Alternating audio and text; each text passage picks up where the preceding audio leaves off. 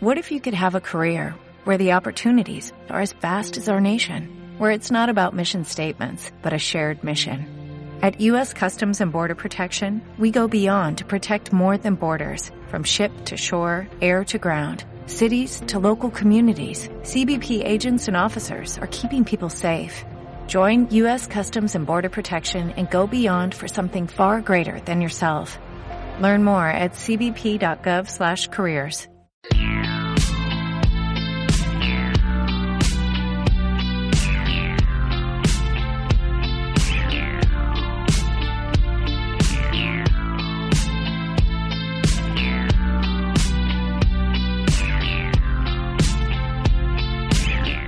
Benvinguts a Freaks and Beats, el programa que t'apropa la cultura audiovisual al sofà de casa.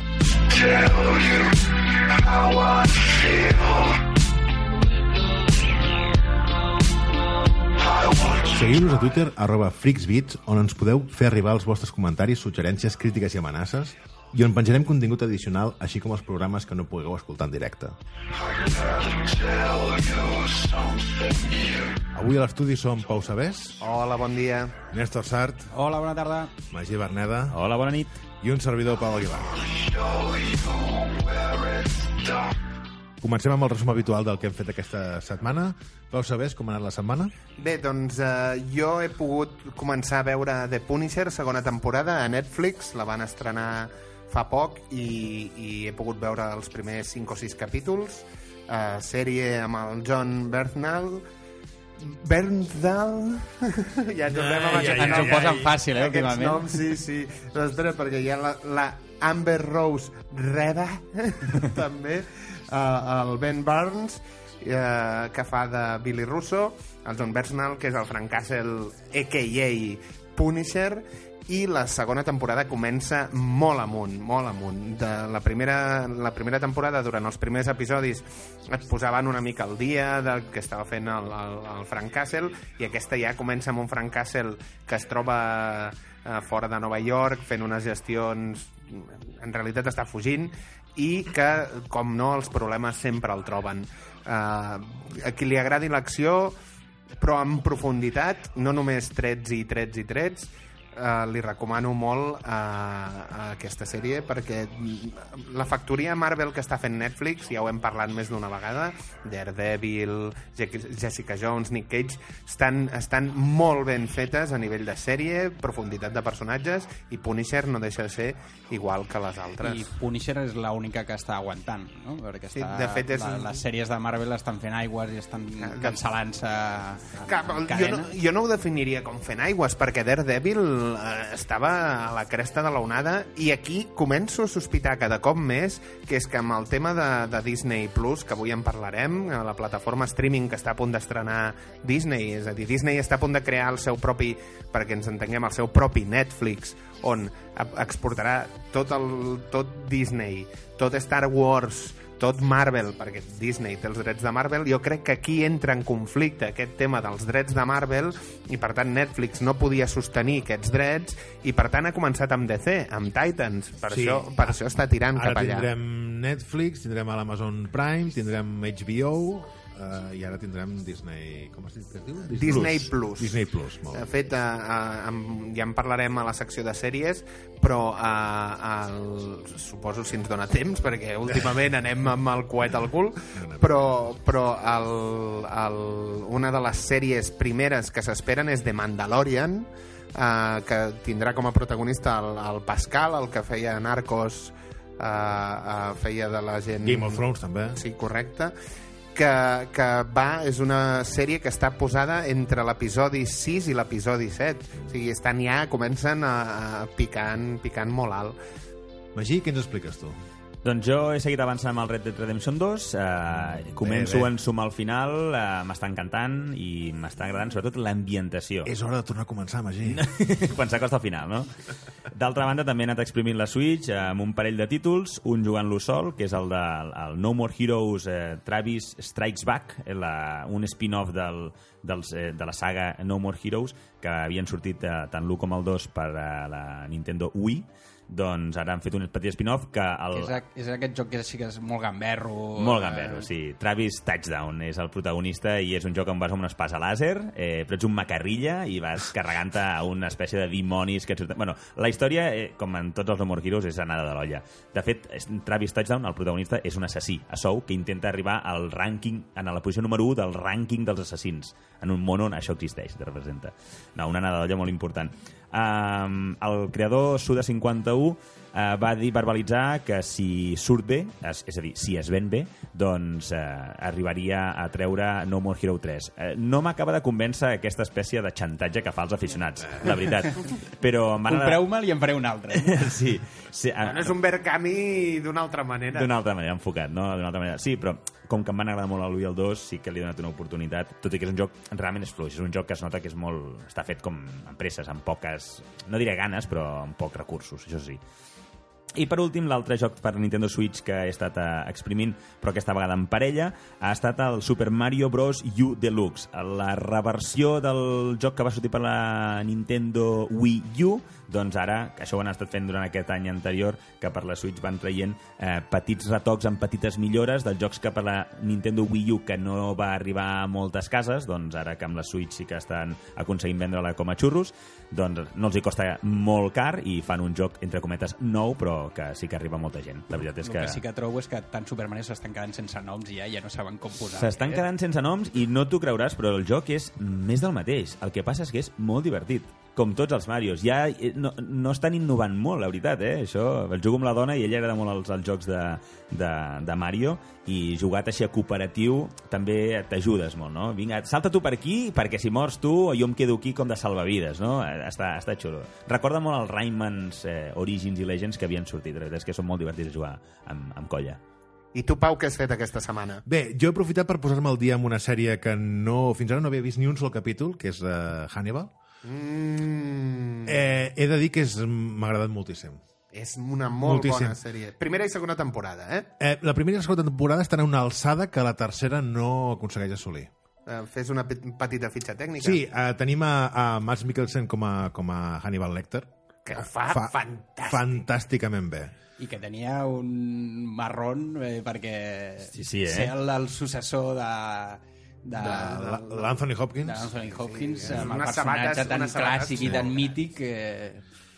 No, no, però ho fa, ho fa fantàstic. És capaç que de... de fet, jo algun cop he escoltat alguna crítica per part d'algun fan de, de, de, de la saga de Hannibal, en el sentit de que el- l'Anthony Hopkins potser era massa gran quan va començar a fer de Hannibal, en el sentit de que el, el personatge del Mads Mikkelsen aconsegueix reflectir molt més el, com és el Hannibal que no pas l'Anthony Hopkins. També mm. tens més... Tot, tot d'una sèrie tens més temps per desenvolupar el personatge. No? Pots conèixer millor, no? Sí. Després tenim uh, l'actor Hugh Darcy, que fa de Will Graham, Que és, de fet, l'autèntic protagonista. de la l'autèntic protagonista, sí, que és el que, diguéssim, que bé, ajuda a fer perfils psicològics al, al, que és el, al per... FBI. és el personatge que després el Dragón Rojo faria l'Edward Norton. Mm. I també tenim, per exemple, el, el Lawrence Fishburne, que fa de Jack Crawford. És el mentor de la Clarice. Correcte. És el, diguéssim, el, el cap de la unitat d'anàlisi psicològic de, de, De l'FBI. De l'FBI. I bé, en tota la sèrie també tenim grans secundaris, com podria ser la Gillian Anderson a partir de la segona temporada, si no recordo malament. Que fa de Eh, psiquiatre del psiquiatre. Psiquiatre del psiquiatre, sí, és un concepte que també em va, va cridar molt l'atenció, que dir, vale... Quan un psiquiatre Sí. necessita psiquiatre... Sí, correcte. Jo només recalcar una cosa. Tot i que saps que durant la sèrie l'Aníbal Lecter s'està menjant persones, li posen tant amor i tant carinyo quan ell està cuinant que és que et vindria de gust menjar-te el fetge d'aquell entra una funcionari. salivera, allà, realment, quan comença a tallar les verduretes, la llet, i eh, comença a bullir tot. M'he de preocupar per, per escoltar el que estic escoltant o no? No, no, no. perquè Tu mira la sèrie, és que realment el tio cuina que et ve de gust menjar-te el que està cuinant. I el, I el que és preocupant, a veure, jo ho trobo preocupant realment, que cuina cascarres, cu- cuina pulmons i cor de persones, però clar, quan cuina dius, bueno, potser ho tastaria una mica, a veure com és. doncs sí, Pau, és preocupant. Eh, I només un petit apunt en tema videojocs i és que eh, com a gran fan de la gran estratègia estic esperant amb candeletes l'expansió de, de, del Hearts of Iron 4 que és Man the Guns que dona una nova dimensió al que, és, al que haurà de ser la, la guerra naval i tots els fans d'aquest joc l'estem esperant candeletes i bé, mm, només aquest petit apunt. I ara sí, Néstor, la teva setmana? Ara sí, bueno, jo ja com us vam avançar la setmana passada i us vam donar una setmana de marge per tots aquells que no haguessin mm, pogut veure barra experimentar la sèrie de Bandersnatch de Black Mirror, el programa especial que han fet, la, la capítol, l'episodi especial que han fet, que és eh, interactiu i que és, bueno, és la, dels primers eh, experiments que ens fan aquesta línia, no? Eh, eh, la, la, la, la, la, el capítol en si està dirigit per David Slade, que és eh, el que fa de director, i protagonitzada per Fionn Whitehead, que és el, també el prota de Dunkerque. Sí, fantàstica pel·lícula, algun dia en parlarem. Però veig que també t'han posat un nom difícil a tu per herniar-te la llengua avui. Sí. I, I també surt en la sèrie surt el Will Poulter, que és, eh, surt a la pel·li aquesta també de Somos los Millers, que Aquest noi, comèdia. aquest noi, vaig veure un muntatge a Twitter i és l'evolució de Toy Story, de Toy Story, el veí, El veí dolent. el veí dolent és l'evolució. O sigui, la- físicament, en persona, Sí, és aquest... Li és posen un look molt extravagant, així amb el cabell tenyit, se suposa que és un creador de videojocs, i, i la sèrie tracta una mica d'això. Se suposa que és un, un, un noi que ha d'estar... És un creador de videojocs eh, i, i llavors la gràcia del capítol és això, que pots anar tu durant el capítol escollint diverses opcions i decidir què és el que fa el personatge en si. Com els llibres que teníem quan érem petits. Exacte, vaja. és el que anava a dir. De manera plana és un tria la teva aventura. Exacte. Directament. On pots triar si vols esmorzar Cheerios o... tig- Frosties. Frosties, Sí. fins a decisions tipus salta, corre, uh, fuig, és, és fantàstic. Però I la clar, història va evolucionant en funció del que tu vas escollint. I... Aquí hi ha un debat molt interessant perquè l'Intenciones Ocultes del que parlàvem al programa anterior eh, ja fa això però a nivell de videojocs. I ara tota aquesta gent que potser no és gamer i ha descobert això de cop, oh, és la panacea. Ho és, Néstor? Tu què penses? Bueno, és, jo crec que és, és això, és aquesta línia que es van juntant entre els videojocs i les pel·lícules, que els videojocs cada cop són més cinematogràfics, no? i ara les, les sèries intenten ser una mica interactives en aquest punt de, de que tu tinguis algun poder de decisió respecte a la història, com evoluciona i com, com avança. Home, eh, eh, jo estic d'acord amb tu. Sí que és cert que, com a fan dels videojocs, sóc més de videojocs que de cine i sèries. Eh, els videojocs, per mi, són molt divertits. O sigui, les pel·lis et poden agradar més o menys i et pots divertir amb una sèrie més o menys que una altra, no? òbviament. Però la part aquesta d'interacció crec que li dona aquest punt de, de diversió, no? També és, és sumar-li... És un, o sigui, fer això és com que la sèrie vol entrar en el territori dels videojocs, Sí, no? I a veure, i la interacció és molt limitada perquè en realitat són dos opcions que esculls eh, en, en molts moments de, de, de, del capítol, però, però clar, són dues opcions que et donen per anar a escollir la història. Sí, sí. És que quantes vegades en alguna pel·lícula de terror, per exemple, hem dit No un entres personatge ahí. fa alguna cosa i diu, no, això precisament no. Vés-te'n, no? Sí, sí, exacte. Sigui, tenir un ventall de possibilitats que se t'obri aquí dona molt de joc a, a, a les Agafa un pel·lícules. Exacte, ho fer, sí, sí, sí. sí. Crec que el que, el que més eh, divertit potser és també d'aquest capítol és eh, la curiositat per veure altres camins no? dins d'una mateixa història de dir, ostres, i si hagués escollit l'altra opció eh, que, tornar a començar i dir, vaig a provar un- l'altre camí. De fet, què- aconsegueixen que consumeixis el mateix producte diverses vegades. Eh, Amb- correcte, fent això, sí, sí. és la curiositat de veure, ostres, si en aquest punt hagués escollit una altra cosa... I el bo és que t'ho permeten. Hi han certes decisions que prens en les que et fan et- el mateix que el mateix, eh, la mateixa plataforma, el mateix Netflix, eh, et diu wrong, wrong direction i et torna és a un punt anterior. En aquest punt És un- no pots avançar més, t'has equivocat Camí en alguna de les sortida. teves eh, decisions, torna al punt tal. A mi, a mi el dubte que se m'obre amb, amb això, perquè clar, estem parlant de Black Mirror, que és, un, és una gran producció amb mitjans, si aquest tipus de, de, de procediment és sostenible a, a, en general a, a, a tot el cinema, a totes les sèries, etc. O sigui, ho, ho veure- veurem de manera acotada només en cert producte. Realment jo ho veig difícil d'aplicar perquè realment has de tenir preparats tantes mm, diferents històries paral·leles que de fet eh, la gràcia és que el, el, la pròpia sèrie eh, com que és el propi jugador que està desenvolupant un joc que és de multiopcions ja aborda una mica el conflicte d'aquestes milers de possibilitats i de camins diferents que pots agafar. Perquè el primer dubte que, es, que em ve al cap és dir, vale, quan dura un capítol fet d'aquesta manera versus la, la gravació efectiva de totes les opcions que hi pugui haver i el, i el cost, òbviament, del sou de- d'actors, de tècnics i que pot haver-hi associat a això, clar. Ara els truco i els hi pregunto i et dic alguna cosa. Bueno, la, el capítol en si dura una hora i poc. Eh, el que passa que, clar, entre què vas escollint, vas eh, Torna, equivocant-te per camins i tornant enrere i coses d'aquestes, es fa bastant més, més llarg. Però, però i això, això, jo crec que com a experiment està, està molt divertit i està molt entretingut eh, per, per, per poder-lo experimentar i, i, però no sé quin recorregut tindrà. Algú havia de trencar aquest ou, per això, tard o d'hora. Sí, que passa que crec que els videojocs a, aquest, aquestes coses les fan millor. O sigui, estem parlant... Les feien I fa les, molt de i les temps. fan de fa molt de temps, clar, clar, però havíem parlat... eh, Until Dawn.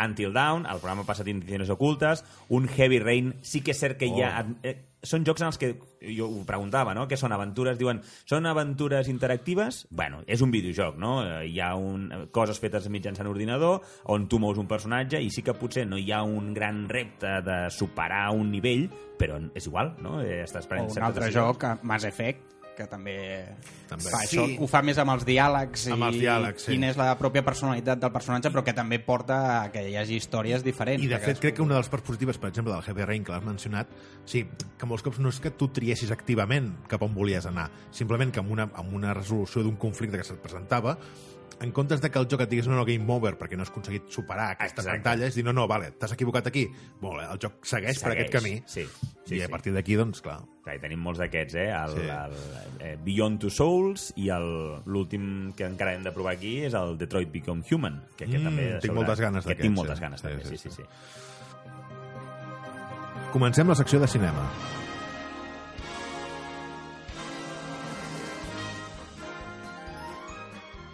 Què tenim en el terreny de novetats? Bé, doncs, eh, com en el programa del 2019 ja vam començar a, a dir-vos certes coses que s'anaven confirmant, tinc noves, noves notícies. D'entrada, pel·lícules. The Irishman, la nova pel·lícula de l'Scorsese, on, atenció planter, Robert De Niro, Joe Pesci, Harvey Keitel i Stephen Graham. Tornem a l'Scorsese clàssic de tota la vida, Només falta el Pacino, aquí. Sí, sí. bueno, Al Pacino està en una altra superproducció també amb cartells. Mm. Once Upon a Time in Hollywood, la pel·lícula de Quentin Tarantino que estarà basada durant l'estiu de la, del, quan el Charles Manson va fer tota la tota la massacre de la Sharon Tate, la dona del, Robert, Sí. del Roman Polanski i tal, eh, se sap que s'estrenarà a finals de juliol i compta amb Brad Pitt, Leonardo DiCaprio, Margot Robbie fent de Sharon Tate, precisament, Al Pacino, mm. Timothy Olyphant, Carl Russell i Dakota Fanning. És a dir, aquí tenim dos pesos pesants de, de cartell molt bèsties.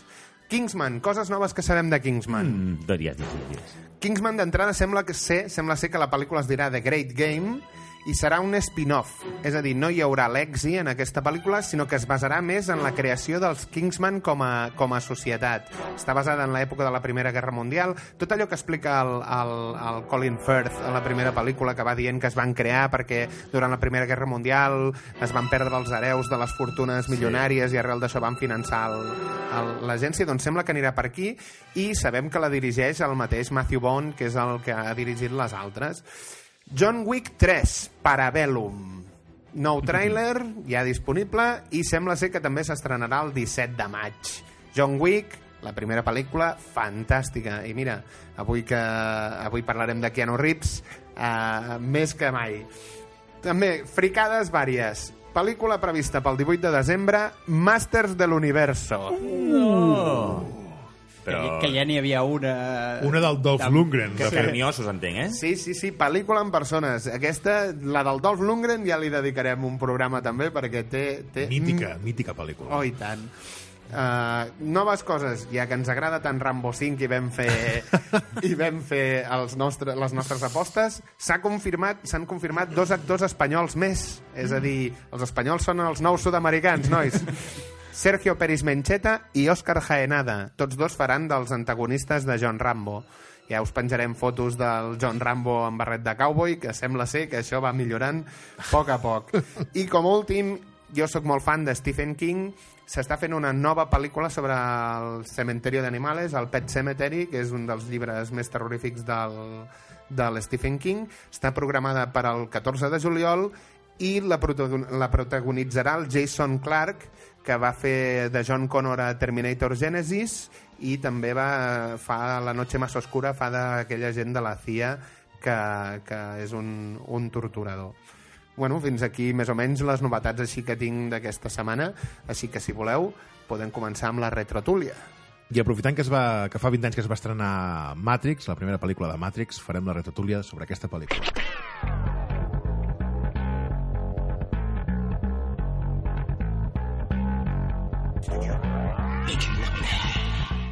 Bé, pel·lícula estrenada el 31 de març de 1999, amb dues seqüeles que es van estrenar el mateix any, Matrix Reloaded i Matrix Revolutions. Inicialment, bueno, la pel·li als Estats Units es deia The Matrix i aquí es va titular simplement Matrix, amb un cartell on teníem Keanu Reeves en el paper de Neo, Lawrence Fishburne com a Morfeo, l'Annie, la, l'Ann, oh, la Carrie Ann Moss, gràcies, fent de Trinity, i un dels personatges preferits del Magí, que és el Hugo Weaving, fent de... Agente Smith. Senyor Anderson. Will miss you. Uh, D'entrada, mm, sé que és la meva secció, però aquí hi ha un senyor que uh, adora molt més aquestes pel·lícules que jo, per tant, cedeixo el micro al Magí i que ens expliqui què li sembla Matrix. Abans, no sé, diré que t'has passat per als, als directors, no? Els o les directores? Sí, germans Wachowski... Eh, Germanes. Ara germanes. Ara Wachowski. germanes, sí, sí. Lawrence i... Quan van fer... Quan van dirigir aquesta pel·lícula i es va rodar, eren Lawrence i Andrew Wachowski, ara són l'Anna i Lily Wachowski, sí, sí. Doncs res, a veure, jo dic que no sé si va ser l'edat, el, el moment, uh, no sé el què, La màgia estava en l'aire, he de dir que aquesta pel·lícula al cinema la vaig veure tres vegades. La primera no vaig entendre molta cosa, ho he de, ho he de reconèixer. Però la veritat és que va ser repetir-la i a, a la, sortint del cinema em va volar el cap. Jo amb aquesta primera recordo moltes discussions de, de què havíem entès exactament eh, sobre, sobre la pel·li Matrix eh, i sobre el concepte i Ah, el sobre les sí, sí, sí. implicacions. És Tu vas, que- anar, tu, tu vas a veure aquesta... Jo tinc molt clara una imatge que és s'havien estrenat Hackers també, la pel·li aquella amb la- amb l'Angelina Jolie i tal, i quan anàvem al cine, oh, Matrix, Matrix, una pel·lícula, i de què va? I miraves el, miraves el, el, que era el petit resum del que era la pel·lícula i et deien un grupo de hackers, bla, bla, bla, bla, bla. I vaig pensar, bueno, clar, i entres al cine amb aquesta premissa, un grupo No, de no. hackers, i t'explota el cervell. Sí, vas molt malament si vas amb aquesta premissa a veure Matrix. Sí, sí. No, molt malament, no? Vull dir, és Bueno. bueno, fantàstic perquè, clar, el, el món que et bueno, descobreixen... clar, sí, sí, però hacker, Sí. sí. és acollonant, clar, una pel·lícula on es va fer famós el Time Bullet, es van fer eh, aquelles escenes, aquelles coreografies d'arts marcials... És que, és que aquí, a veure, O el debat, vull o no vull estar a Matrix. això, això també és una... Jo ho tinc bastant clar. Sí, em sembla que sí. Bueno, com diu, com diu el, el, el com es diu, en surt xifra, no, el, el, Xifra. les xifre, no, el, el, Bueno, el sí, cifra, Sí, de fet sí. diu cuanto más tiempo pasa, más me doy cuenta que la ignorancia es la felicidad. Eh, I és absolutament cert. També al nostre món. vull Sí, dir, sí, en realitat no. La, cal dir que la, tota, tota la- l'estètica que va portar Matrix va ser un referent després a un munt de pel·lícules, a un munt de, de, de, de, de, bueno, d'eventos i de més. El, el, jo em quedo sobretot amb el tema de la lluita bueno, és que em podria quedar moltes coses, però eh, després de veure la pel·lícula, i tinc la temps que tinc amb DVDs i amb Blu-rays i a més, eh, i d'haver vist tot el, tots els making-ofs, cal dir que l'entrenament que van fer els actors i les actrius era espectacular. O sigui, una, un llevar-se d'hora al matí i, i hores i hores i hores amb mestres eh, japonesos de, de, de diverses arts marcials, això em fascinava. I clar, després de veure la pel·lícula moltíssimes vegades, veure que darrere... Clar, la pel·li m'agradava, però quan et poses la pel·li, hòstia, és que realment tot el que han aconseguit amb l'entrenament que han aconseguit, un entrenament real. I jo suposo que, no sé si se'n recorda o no, però Keanu Reeves hi va haver un moment que devia tenir algun cinturó d'algun art marcial, perquè les coreografies eren espectaculars. I el Time Bullet, bueno, què cal dir? Què, què hem de dir del Time Bullet? Que estem parlant del Magí, és una persona que és... Ara aquí també ja entrarem, parlarem mm, eh, una mica de, de Matrix en general i de les altres dos. Clar, en el moment en què Neo esdevé el- l'elegido, eh, el Magí, que ha sigut un dels tios més fans de Goku de la història, allò ja, ja és l'explotada de cap més gran del món, perquè el Neo esdevé un Son Goku a la vida real. Sí, sí, pot fer el que vulgui amb la realitat, entre cometes. La, la realitat de Matrix. Per mi, la 1 és una pel·li fantàstica Sí, i la sí. podien haver acabat aquí. Sí, això estem... Sí. crec que Jo crec que seria encara més icònica del que és si ho haguessin tallat Exacte. amb la 1, perquè hagués creat tot una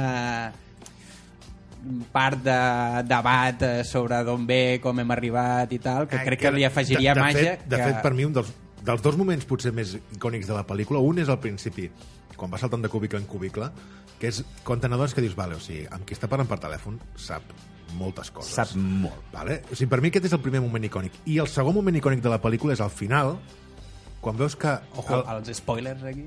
Bé, home, la pel·lícula de fa 20 anys, si algú no l'ha vist, em sap greu. quan, quan veus que el Neo ja no veu imatge, està veient Matrix, que veus que està com cansat, però, però lluita i, I és igual, i els, sí, els agents són totalment lents. Sí, sí, que no li costa absolutament gens. En aquest punt, realment s'hagués pogut acabar la pel·lícula i dir, vale, o sigui, el Neo entén que és Matrix i a partir d'aquí no, se, no se sap com, acaba eh, vencent, diguéssim, a la...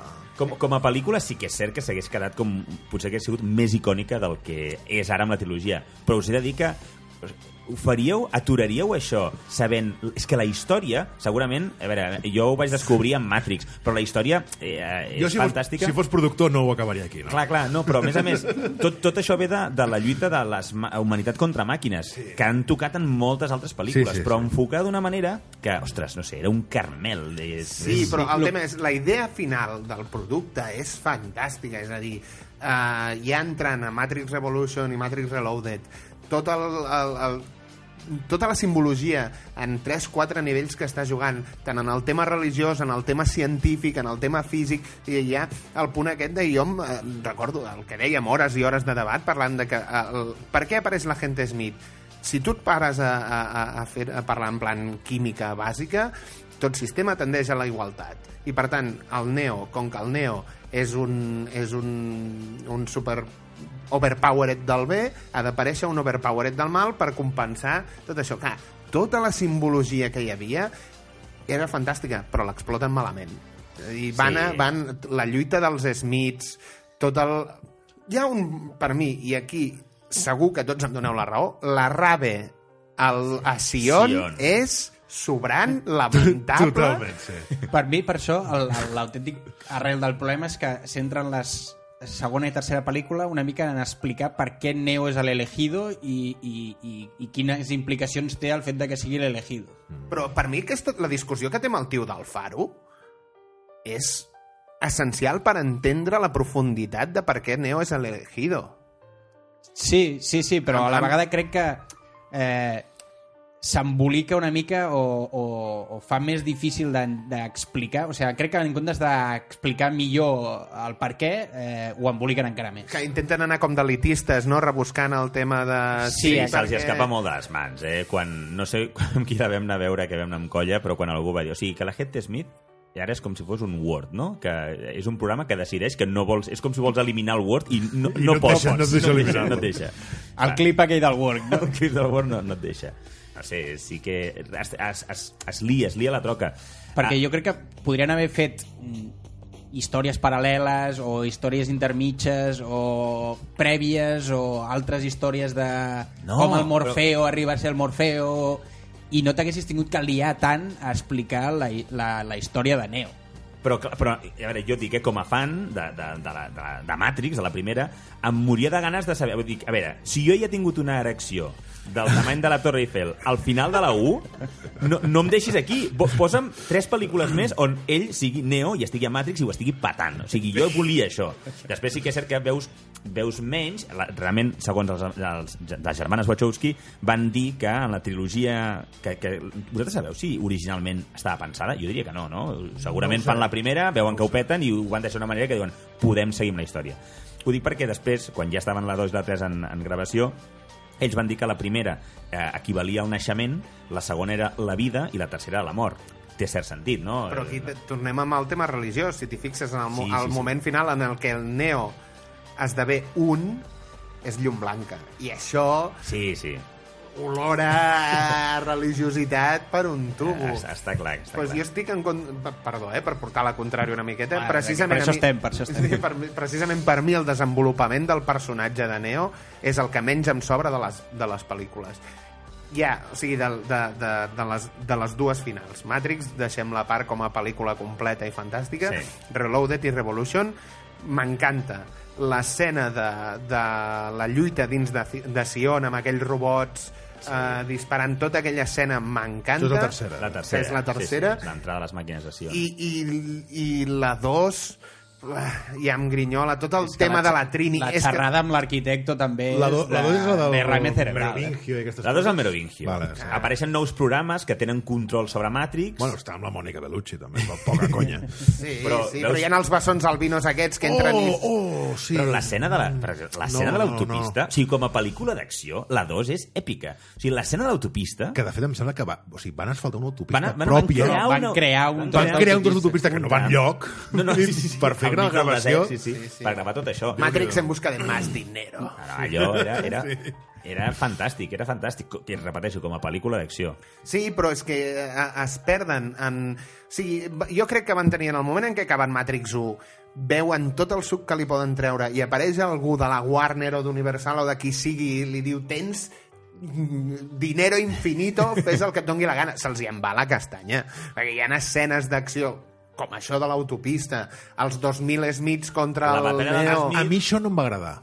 Jo crec que a, a, juntar el poder de la gent Smith en un sol individu, diguem-ho així, dona molt més empaque que no diluir-lo en molts individus. I crec que... No, però, Bueno, però però era fixa't... aquesta idea del virus. Del virus. És, és un virus. eh, Passa Sí. a ser un virus en el sistema. Sí. Fixa't, no, però fixa't que fins que no es fusiona amb l'oràculo, Mhm. no és capaç de ser un individu... O sigui, depèn, ell no, no depèn de qui, a qui s'ajunti per tenir poder. No és com el Neo, que el Neo té el poder Mm. i el poder li va creixent a mesura que ell aprèn també a dominar-lo, sinó que l'Smith depèn de qui, a, a qui absorbeixi per ser poderós. I, de fet, amb qui, el, el, la lluita final de la tercera pel·lícula és l'Smith Oràculo contra el Neo. És a dir, va buscar una de les mares fundadores de Matrix per tenir el poder suficient per enfrontar-se al Neo. Perquè, mentrestant, clar, si agafa un tio de barri, té el poder del tio de barri més l'Smith. Aleshores, això no, no em grinyola. A mi el que em grinyola és la, la necessitat de, de, de... Hem pogut fer això del tiempo bala, hem pogut fer aquestes espe lluites espectaculars, doncs anem a exprimir-ho al màxim i fem coses tan aberrants com 2.000 Smiths, Uh, la lluita aquesta de, de l'autopista o sigui, ja va ser un intent de, de, de augmentar Matrix la primera al 1000 Sí, van, van, van potser passar-se en aquest sentit. En el cine recordo que em vaig flipar molt, però sí que és cert que després de veure moltes vegades la segona, eh, te n'adones que tot el que van voler fer amb CGI, Sí, tot amb ordinador, això han vellit molt malament. O sigui, en el cine recordo que deien, ostres, sí, veies que era ordinador, però dius, però si s'asse- s'assembla. I, I ara ho veus, i ara ho veus, i... Ah, Cardropedra del finet Sí, sí, sí, és masses operacions. No, però la lluita, la lluita aquesta, ara la, la, va ser tu, que ara farà que dos anyets que la vam tornar a veure, perquè volíem realment veure que malament havia envellit. I la lluita contra els Smiths hi ha escenes que, que el, No. quan el Neo vola... I ja, i, o sigui, en aquesta, Sí, sí, en aquesta Les escena... voltes a sobre el pal... No, però, allà... això, però això està fet amb, amb ordinador, amb les, les voltes sobre la pala. Això és ordinador pur i dur. Però hi ha, hi ha moments molt ridículs, és que que com que l'he vist tantes vegades, sempre mirar per darrere, no? Aquells, aquells agents Smith que, eh, si els mires als de fons, ja no és... Clar, això no és amb ordinador. Clarament és gent que està vestida igual que ells, que s'assembla una mica al- a, a l'Hugo, però, però, no, però clarament no. I escenes en els que el, el, el Neo, per exemple, els hi posa lluitant amb una barra, aquella barra que, que arrenca del terra, hi ha un moment que té els dos, hi ha dos agents Smith que l'estan aguantant la barra amb el sobaquillo, val? i la barra, òbviament, és, és de, de, de flexa, eh? és, és un tros de plàstic, Com el Valerian Rubber. i, i es van creuant per allà gent vestida de traje i ells dos no estan ben, fent ben bé res o sigui, hi ha escenes ridícules sí. si t'hi fixes bé, no? però a veure, en el moment Que en el sí fragor de la batalla no t'hi fixes si ho Correcte. veus per primer cop, però sí, després... sí, sí. Perquè dic, però aquí, per exemple, tot el que és la batalla de Sion té molt més sentit i està molt més ben gravada perquè no abusen de certes coses Sí. i, i, i és uh, molt efectiva. Sí, sí. Eh, M'agrada molt més allò que tota, tota la segona amb el personatge de la, del Merovingio, Però, de però la veus, és Mònica. que estem amb el mateix. La lluita en, en, contra els sequaces del Merovingio és fantàstica, aquella lluita. És que En també... aquelles escales, vols dir? Sí, a les escales. També us dic una cosa. En, tant la lluita, sobretot en el Merovingio, la banda sonora d'aquesta pel·lícula, de la 2, Per mi, la, les tres tenen una Les banda tenen- sonora... sí. Així com les pel·lícules de la 2 i la 3, a mi personalment no m'acaben de convèncer, les tres bandes sonores a mi les he tingut les tres i me les he consumit perquè tant les parts originals de, de, de, de, de banda sonora que es fa fer específicament per la pel·lícula, que a més tenia una personalitat brutal, sí. eh, més les cançons originals, Rage Against the Machine i altres... Marilyn altres, Manson. Marilyn Sí, Manson. sí, sí, sí, no, no. Tenen unes bandes sonores que són increïbles. A Sí, mi sí, sí. eh, m'encantaven totes elles. Doncs la que sona exactament en el mateix de, en la mateixa lluita aquesta de, del, del Merovingio, con Neo contra els sequaces de Merovingio, és fantàstica. És una de les que també tinc al record. Sí, sí. I un apunt jo també de seguint amb la meva línia crítica sobre la 2 i la 3, per mi el moment que més xirria de tota la, a nivell de guió de tota la història és el final de la tercera. Aquell... A veure, intentaré mantenir els spoilers al nivell més baix que pugui, però clar, estem parlant del final de la trilogia, serà difícil. Eh, però la transcendència del món virtual en què Neo és l'elegido a, al final món real també té una espècie de poders és el que allà, ja, allà ja no vaig entendre res Bueno, allà és on tot el que et venen explicant durant totes les pel·lícules deixa de tenir sentit A, a, passa a ser una, una, pel·li, una pel·li, o sigui, ja era pel·lícula de ciència-ficció, però de cop i volta és de... De déus. De, sí, sí, sí Ah, estic però- d'acord amb tu. és Jesucristo No, però aviam un moment. Que estem basant-nos en, un, en un món en el que els humans són creats artificialment. Per tant, és, això és de lo, de lo més factible que podríem treure en el sentit de aquest humà l'han creat amb la capacitat de ser un superhumà. Però per què? Però llavors- Seria la pregunta. Per No, què? Perquè, el- i, i aquí és on l'arquitecte ho diu, eh, en plan, la humanitat, si té esperança i té la falsa sensació de llibertat, és capaç de fer el que tu vulguis. O sigui, les màquines se n'adonen que si li treuen la llibertat de manera forçada al, als humans o, o els hi diuen que això, es tornen bojos, es però revolten... tota aquesta argumentació té sentit en el context de Matrix No, no, però un moment. no del món real No, però un moment, clar, el tio aquest està creat i està creat per ser uh, un, un paio que pugui controlar Matrix sencera. És a dir, Matrix. si el Neo... No, Matrix sencera implica les màquines en el món real i en el món artificial. Per tant, és un tio que si se'l deixa en llibertat i no ningú el controla, pot arribar a dominar Matrix sencera. Per tant, es posa la figura de l'arquitecto, que és el que l'enfronta en el dilema, i, el, i s'utilitza com a sistema de seguretat. Escapa a l'elegido, que pel que et diu en aquell moment n'hi ha hagut molts durant la història, escapa l'elegido en el moment en què encara el poden controlar. Per tant, ell, com que neix dins, dins de Matrix i és capaç de controlar Matrix, pot controlar Matrix, que és qui domina les màquines dins i fora. Com una mena de superlampista. Sí, exacte. My God! És el Super Mario. El tema, per mi el que més em xirria d'aquí, de tot això, o sigui, el que més em grinyola realment, i és a la 2, o sigui, la 2 en si, i sobretot la relació d'ell amb la Trinity. Perquè l'amor ho pot a tot. No. no. Ells dos no tenen química i la frase te Bueno, quiero perquè- demasiado joder traient-li la bala traient-li la bala Sí, aquí falla, falla. això, això és... Però no tenen química, vols dir, com a, com a parella a la A la pel·lícula. vols dir? pantalla. Sí, perquè és que els dos semblen dos catxos de lluços. O sigui, Són, són bu lluç bullits són dos lluços bullits, sí, sí, realment. Home, perquè, però la gràcia també era de la primera pel·lícula i la relació entre el Neo i la Trinity era aquesta fredor també, no? De, perquè tot, tots els personatges de Matrix són d'aquest entre el negre, les ulleres, el no sé què, no? Són personatges freds, són... Ah, però aquí la, la U, el punt de romanticisme és el punt just en el sentit de dir només es desvela, tu ja t'olores que ella i ell tenen química i només es desvela en el moment en què quan li diu tu no pots morir i saps per què no pots no morir perquè l'oràcul em va dir que jo, era el, que jo m'enamoraria de l'elegido bla bla bla i aleshores mm, passa el que passa el tema és això és just, és fantàstic comedido tota la resta... perquè bueno, en aquesta primera és el romance i a les altres és la seva relació de parella. I, i aquí és on comença Tenen més química la Jada Pinkett Smith i el Lauren Fishburne que ells dos. O sigui, la, Sí, la sí, Niobe, sí, la Niobe sí, sí, i el... i el Sí, Morfeo. Morfeo. tenen molta més química a la pantalla I tant, que ells dos. i. I, et dic, per mi la, la segona em grinyola molt. I això que estan emprenyats, en principi, representa. Sí, sí, sí, principi, però que sí. són exparella Sí, i sí, que sí, sí, això... sí, sí, sí. Però bueno, I què ens ofereix a l'univers Matrix en temes sèries, Néstor? Doncs es van fer eh, 12 curs en, en una compilació que era Animatrix, que va ser l'any 2003, eh, que es va fer al mateix moment que Matrix Reloaded, la segona, la segona pel·lícula, i eren 12 curs, de, dels quals eh, dos eren dirigits pels germans Wachowski, o germanes Wachowski, i els altres 10 eren altres directors que eh, explicaven eh, altres històries relacionades amb el món de Matrix, tot amb animació i fet per ordinador i, i explicant pues, eh, històries paral·leles eh, de, de, de diverses coses, de diverses temàtiques. És una mica el que han fet els creadors de Halo. Els creadors de Halo també han creat eh, una mena de, de, de curs que n'hi ha en ordinador, n'hi ha en, en anime, diferent tipus de dibuix, per, eh, per explicar una mica les històries que no es poden acabar d'explicar en, el, en el, les pel·lícules, en els videojocs en aquest cas, i, i que t'expliquen tot el... Clar, Matrix tenia una profunditat tan gran en realitat que hi han certes coses que se t'havien d'explicar. Qui era el primer elegido, què va passar, per què es va arribar en aquesta situació, i Animatrix una mica et posa en context de tot això.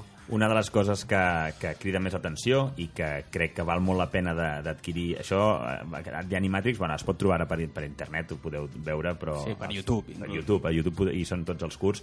Eh, aquests dos primers curs que de, els dirigits pels Wachowski realment eh, són, són els que són a nivell eh, gràfic són els més anime tradicional i una de les coses que crida molt l'atenció i que val molt la pena veure és el, el fet de, que t'expliquen el, com s'arriba des de l'actualitat, diguéssim, el present més present, fins al moment on es crea Matrix. T'expliquen tota la, la, la revolució i la guerra d'humans contra màquines. Eh, crec que això ho fa no diré indispensable, però sí que enriqueix molt la- l'experiència de veure la trilogia de Matrix. La resta de curtmetratges doncs, tenen estils gràfics, tot i que són d'animació, tenen estils totalment diferents i És- criden molt, molt, molt És l'atenció. maco també veure com cada director no, té un estil i li dona una estètica a tot l'univers Matrix, no? que té, té moltes coses que són comuns en ells, però que cadascú té la seva pròpia la seva pròpia manera de fer-ho. No? I, Jo, jo recordo molt també, no, no són sèries, però sempre que surt la, la segona pel·lícula de Matrix sempre em recordar la paròdia aquella que van fer en el context de- d'una gala de- MTV, d'MTV. Oh, amb el- el Justin. Timberlake Ah, i el... Justin, Justin Timberlake. Brillant. eh? Sí, boníssima. Aquella. De fet, crec que el, el Will Ferrell feia de- d'arquitecto. Sí, sí, sí. És boníssima, molt divertida. Aquella. Ja té molts anys. Això ho hem de però- penjar a les xarxes, Això però- ho hem de penjar, hem, hem d'enllaçar el vídeo. Sí, Sí, sí, aquesta el, que, que, que el Will Ferrell comença a, a buscar paraules enrevessades. El oxímeron dentro de la parafrasis del... Inconclusively, vis-a-vis. Molt, molt Ergo. Ergo. Ergo. Magí, en tema videojocs, Matrix, que... Doncs videojocs, a veure, eh, seré molt sincer. Matrix, a nivell de videojocs, són, els n'hi ha tres i són fluixos, molt fluixos. Eh, la veritat, jo en el seu moment els vaig consumir amb moltes ganes, perquè com a mega fan de la saga, doncs sí que els vaig, els vaig jugar. Però, Era, veure, era massa goloso, no? no portar a Neo tu... I és que si haguessin tret uns, uns Kellogg's de Matrix, me'ls hagués comparat. O sigui, m'era igual, Clar, qualsevol un moment, cosa. que us poso un context. El Magí té Matrix en tots els formats digitals i no digitals que s'han tret. És a dir, I gastats, tots gastats del que s'ha vist. allò. VHS, DVD, Blu-ray... Cada vegada que surt un nou format, el primer que faig és, surt Matrix ja? Vale, doncs me la compro per nou Sí, format. recordo també anar perseguint a un pobre paio del cine perquè volia robar uns pòsters promocionals de Matrix que hi havia de... Ah, de... jo pensava, dic, què fareu amb aquest pòster tan gros? Quan, quan el tragueu, aviseu-me, això. Sí, sí.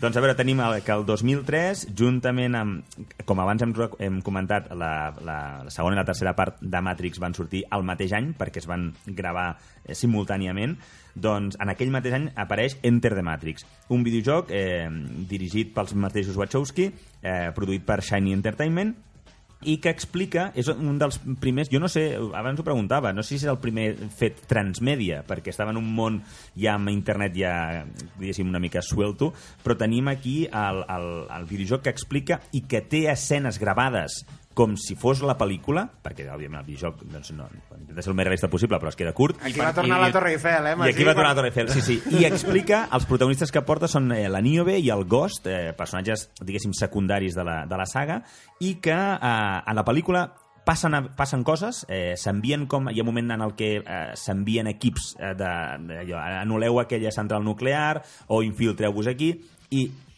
tu en la pel·lícula saps qui ho fa, però no veus res d'això. I en el videojoc pots jugar totes aquestes coses que en el, en el, la pel·lícula passen, però no Però no saps què veus, passa. no No, veus, veus, sí, no? sí. Doncs això ho vaig trobar fantàstic. Té, té, és una mica el que han fet amb Rock One de Star Wars, no? que t'expliquen aquesta part de la història que no s'havia explicat, no? de com agafen els planos de, de l'estrella de la mort, i, i, i llavors eh, el que passa que amb Star Wars ho fan amb una altra pel·lícula i en aquest cas ho van fer amb un videojoc que t'explicaven doncs, interioritats de coses, històries paral·leles que estaven passant en el moment de la, de la pròpia saga de Matrix. Sí, sí. A veure, jo crec que només per als talls, diguéssim, gravats eh, de persones reals i de més que, que hi ha en aquest videojoc valia la pena. Valia la pena perquè com a fan que vols consumir més Jo material el vaig jugar Matrix. aquest també i era això, era aquesta part de, de, de, de que t'expliquessin una part de la història que no t'havien pogut explicar i portar-ho tu, doncs, que sempre... Jo, jo hi vaig jugar també i la primera decepció és ai, però no pots dur el Neo? I aleshores, com que se'ls hi devien tirar al coll, va sortir el segon videojoc. Correcte, llavors ens anem cap al 2005 amb els mateixos eh, protagonistes, diri dirigit per Wachowski i amb Shining Entertainment com a, com a productora, eh, on ja portes a, al vídeo que es diu Path of Neo. També cal comentar que l'anterior, Enter the Matrix i Path of Neo, tots dos van sortir per les consoles d'aleshores, eh, eren les, les de sobre taula, PlayStation 2, Xbox, la primera, i, i per PC també van sortir. I a Path of Neo sí que ja portaves al Neo des del minut 1 i eh, intentaven que reprodu... o sigui, tu podies viure els moments i les escenes més rellevants de tota la trilogia amb la qual cosa, a veure, jo crec que treia, el, treia una mica el, el coquet que, que havien deixat aquest primer joc de no poder portar Neo. El podies anar millorant, guanyaves experiència, guanyaves, tu anaves, diguéssim, entre, entre cometes, comprant les habilitats que, que mica en mica, com que anaves com sent més el elegido, doncs et feia més fàcil les lluites i els reptes que anava proposant el videojoc. I finalment, el mateix 2005, va aparèixer eh, una, el tercer videojoc, que seria The Matrix Online, que aquest sí que va ser un fracàs bastant gran. La idea so sobre paper també era com interessant, imagineu-vos un... et creaves el teu propi avatar, hi havia com moltes possibilitats d'edició, però tot amb l'estètica molt Matrix, ullers de sol i molt, molt, molta gavardina, i... Eh, El que ara coneixem com el quillo del GTA. Exacte. doncs, i et, planteja, et, plant, et plantaven uh, en, un, en un Matrix. Era, era curiós perquè jugaves ja, diguéssim, a Matrix. Tenies el teu avatar i estaves dins un món, mm, entre cometes, que semblava la realitat, però que era Matrix, i justificava que poguessis volar. És com si fossin... Tu portaves a un elegido. En el fons, podies ja fer moltes coses. Hi havia combats entre, entre personatges. Va quedar... El problema és que, aleshores, internet no, no tirava com, tira, com hauria de tirar i tot quedava a nivell de recursos va ser un joc bastant, bastant Matrix cutrillo. de lag. de lag. Modem Edition. I fins aquí aquest repàs homenatge al motiu dels 20 anys de Matrix. I a partir d'ara parlem, parlem de sèries, eh, novetats en general, eh, fora del tema de Matrix.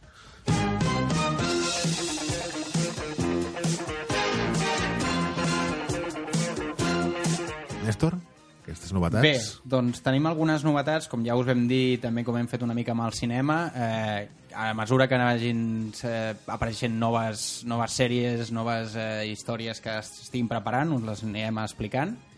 En aquest cas, i és un projecte que bueno, jo tinc moltes ganes perquè sóc molt fan de la sèrie animada, No, no tens molta por, també, Néstor? Sí, és aquestes coses que sempre estàs entre l'excitació i la por a la vegada eh, de, de què podran fer i, que, i a veure si no la fan una cagada monumental amb l'adaptació, que és adaptar la sèrie Cowboy Bebop eh, és, eh, aquest, aquest eh, eh, caça recompenses de l'espai eh, que era la sèrie, una sèrie animada que si no l'heu vist és deliciosa És que és tan bona. És, argumentativament, gràfica, o sigui, visualment... Però clar, crec És que la, la millor intro de, Oh. de la història de l'animació. tots tenim al cap què va passar amb Bola de Drac, no? Nois, amb tema... Aviam, I, i, i amb Street Fighter, aviam, Sí, algun, sí, dia, algun sí. dia parlarem de- d'aquestes aberracions. Jo per això dic que cal un cert nivell d'alerta previ, com a mínim fins a veure el producte final, perquè això mai se sap. Sí. Llavors això, faran, s'està preveient una adaptació a, a sèrie amb persones humanes de, de la sèrie Cowboy Bebop i que a veure, a veure què aconsegueixen fer. Eh, què més? Eh, Blade Runner eh, faran, s'està preveient una eh, sèrie d'animació ambientada al 2032 que és una preqüela de, de, la, de la nova pel·lícula de Blade Runner que van fer O sigui, està entre la, la Blade Runner de, de Original. l'original i d'això, que de fet estem a l'any del Blade Runner original. Sí, Blade no? Runner passa ara. 2019. Com la van clavar, eh?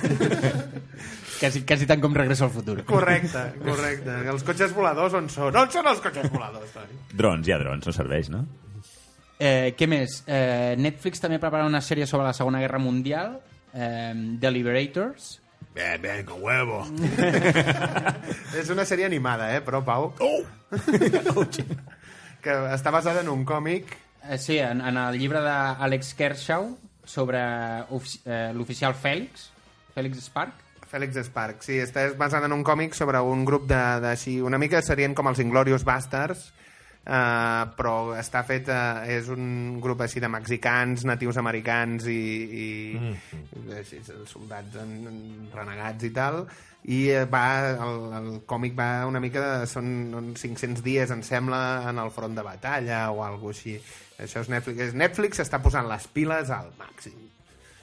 Sí, sí, perquè també s'està preparant una sèrie de Star Wars, La que hem parlat al principi, de Mandalorian. de Mandalorian, eh, que, que va estar situada entre l'episodi 6 i 7, eh, i que, que comptarà amb Pedro Pascal. Eh, què més? Eh, també sèrie animada de Devil May Cry, adaptació del videojoc. Ja, però ja n'hi ha una, no? De Devil... Hi, hi, havia... No, el tema és, els creadors que han fet ara el Castlevania Sí. per Netflix, Sí, que aquest, no, no he acabat de veure la primera temporada. jo he acabat la primera, la, és molt curta, però molt Sí, curta, sí, vull sí. dir molt curta. Sí, sí, sí, I sí. el tema és, eh, els, que, els mateixos creadors ara porten Devil May Cry com a sèrie animada, també. O Però, sigui, però ja, diria que hi existeix alguna cosa de, de sèrie animada de fa uns anys, eh? Em sembla que, no sé, de 8 anys. No, Pot ser, doncs, és Netflix, història. Netflix està posant cash, Cash. Sobre cash perquè és això, clar, de Mandalorian sortirà per Disney Plus i, i han hagut de, van posar una quantitat ingent de diners per retenir frens Mm. per, perquè ara els, se'ls està començant a obrir el mercat o sigui, la Sí, sí. competència i ells estan apostant de Home, des de que estan apostant per contingut propi, estan fent una, una despilfarrada de diners en projectes a, a dojo que, que realment, a veure, si, ho- si, si surten uns quants bé, eh, és prometedor. Ah, però el tema és els Ganes li sortir- estan posant. Els hi han de sortir uns quants bé, perquè m'he vist. Han, han estrenat fa poc una que es diu Ayo, que és Sola en la Tierra o alguna cosa així. Però aquesta és traduït. pel·lícula, no? Pel·lícula, estic, sí, o sigui, de productes Netflix en si, aquesta Ah, és una pel·lícula, Ayo, aquesta que és Sola en la Tierra, Polaris, que també vaig veure el tràiler, vaig dir... "Uah!" Vaig veure quin despropòsit. O sigui, feu producte... No, no es tracta de fer quantitat, que també podeu fer quantitat, però feu una mica de qualitat, perquè van fer uh, Extinction i Annihilation, són dos bones, molt bones pel·lis, i Bear Box, que aquí es diu A Ciegas, em sembla, mm, no està mal, però d'això... bueno, és tampoc- tota la línia aquesta de... Et falta un sentit eh, amb, un, amb un món amb bitxos, no? Que també van fer... que van fer també... Perquè les altres, hi ha l'altra pel·li com és aquella que no poden parlar tampoc i... A Quiet Place... Respect. Això Respect. Eh, No, ara m'acabo d'ofendre. M'acabo d'ofendre moltíssim. La primera pel·lícula de John, John Krasinski com a director, una pel·lícula que és brutal. De les ¡No millors- puedo hablar! Perdona una cosa, m'agrada molt aquest gènere nou de... I el mejor Oscar a la pel·lícula de... Le falta un sentido... Mo- Monstruos, mo- monstruos y sin sentido, no? Ah, estic esperant a que facin la que no té gust. En un món No poden llapar els bitxos, això és intolerable. Bo, Mira, un, uh, us penso que estiguem, veurem tot l'equip, veurem The Quiet Place i després vindreu i em direu, Pau, ho sento molt, tenies tu raó, era una gran Oh, gran pel·lícula." mestre, gràcies. Ens has obert els ulls en aquest camí dels sense sentits, però... I a part, és un error la premissa perquè parlar sí poden parlar. No oigo. El problema, el problema és que no ho fan. Bueno, jo només deixeu-me dir, de Devil May Cry, li tinc ganes. Si ja dius que la presenten, eh, crec que Devil May Cry és una saga que té tots els ingredients perquè si a a nivell d'animació s'ocorren, poden fer aquí un festival de, de Sí, però trobo, carregar-se trobo dimonis. que és algo que podrien haver fet amb carn i ossos, també, que... No, perquè, No, perquè- Death, Note, per, Death Note, per exemple, és un, un, una cagada portar-la... Però perquè Death Note ja era animació... O sigui, el, em, eh, em sembla més problemàtic el pas d'animació a, a, a personatge real que el de videojoc que intenta ser realista a, a, a personatge real. El que passa és que hi ha molta... O sigui, el, el que veig és que Devil May Cry té molta acció i quan hi ha d'haver molta acció i ho has de fer amb carn i ossos, és que el, el, has de cremar molts recursos. No, però Devil May Cry és anime, eh? Sí, sí, per això, per això. Ah, val, Clar. Que és més fàcil fer que en escenes d'acció amb anime que, que, que, que amb l'acció persona crec que és real. molt bona, que passar de Devil May Cry saga videojoc a anime, crec que és fantàstic. Que no, a veure, a veure què tal, a veure, A veure, a veure com va. I abans d'acomiadar el programa tenim un parell de preguntes dels nostres oients. Mm, Sí, doncs ens han arribat via Twitter eh, un parell de preguntes. Eh, L'Edu ens pregunta, Pau, Pau Aguilar, Sí? has vist Narcos? Eh, no, no l'he vist. I també ell, l'Edu, que ara desvalarem, és l'Edu Duran, eh, amic nostre de, de tota la vida, eh, recorda precisament quan va escoltar el programa de, de Silent Hill, eh, recorda precisament estar jugant al, al, en el, amb el Magí, tots vosaltres a casa, a casa els pares del Magí, al Silent Hill, i la pregunta que us fa és Uh, nois, aquell dia és quan us veu fer homes? Bé, jo no sé si va ser quan ens vam fer homes, però diria que va ser quan vaig descobrir que em podia fer caca a sobre tenint control dels meus esfínters. No sé si ens vam fer homes, jo ho vaig veure més com que ens fèiem dones, o... sí. bueno, sense faltar el respecte a les dones. Jo només et dic un petit apunt, que és que no he vist Narcos, però no descarto veure-la en un futur. És a dir, avui he parlat de Hannibal, que l'he vist fa poc, vaig començar a veure Game of Thrones quan anava ja per la quarta temporada que l'estaven emetent aquí, per tant no, no descarto veure Narcos en un futur i, i, i si ho faig, doncs ho comentaré aquí. I si té alguna pregunta més concreta sobre algun aspecte de la sèrie, doncs que, que, ens, la, que ens la faci, vaja. I el J2 Rovira ens diu que estaria molt xulo que parléssim de com fer com millorar en algun joc o, o com fer millores durant els jocs, és a dir, trucs i coses així. Sí, això, a veure si, si el joc el dominem, perquè aquí... Sí, això és el que t'anava a dir, que jocs que haguem jugat nosaltres podem comentar tàctiques o estratègies per mirar de Si no, jugar I si millor. no, trobarem uns quants consells que donar. I si no, algun consell que puguem trobar nosaltres pel nostre compte, doncs també ho Digueu, podem. Dieu-nos el joc que us agradaria Sí, que comentéssim i nosaltres Sí, encantats. O exacte. inclús quin aspecte de quin joc, perquè hi ha jocs molt amplis, vull dir, un aspecte concret també que ens... Sí, perquè nosaltres hem comentant els videojocs que hem jugat, que coneixem o que tenim interès, Sí. però si, si als oients els faria gràcia que provéssim algun joc, i que, que parlessin d'algun joc que no coneixem, doncs Exacte. també podem allò, Exacte. provar-lo i fer aquí la nostra crítica, no?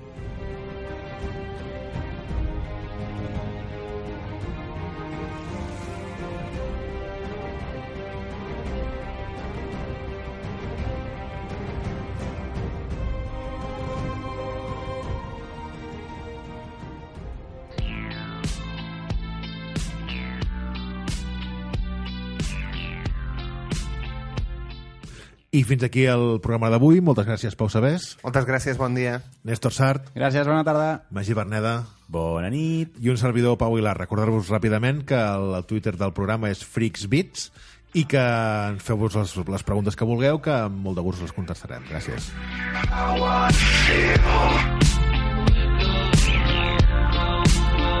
I want to drive you through the night, down the hills I gotta tell you something you don't want to hear. I'm gonna show you where it's dark, but have no fear.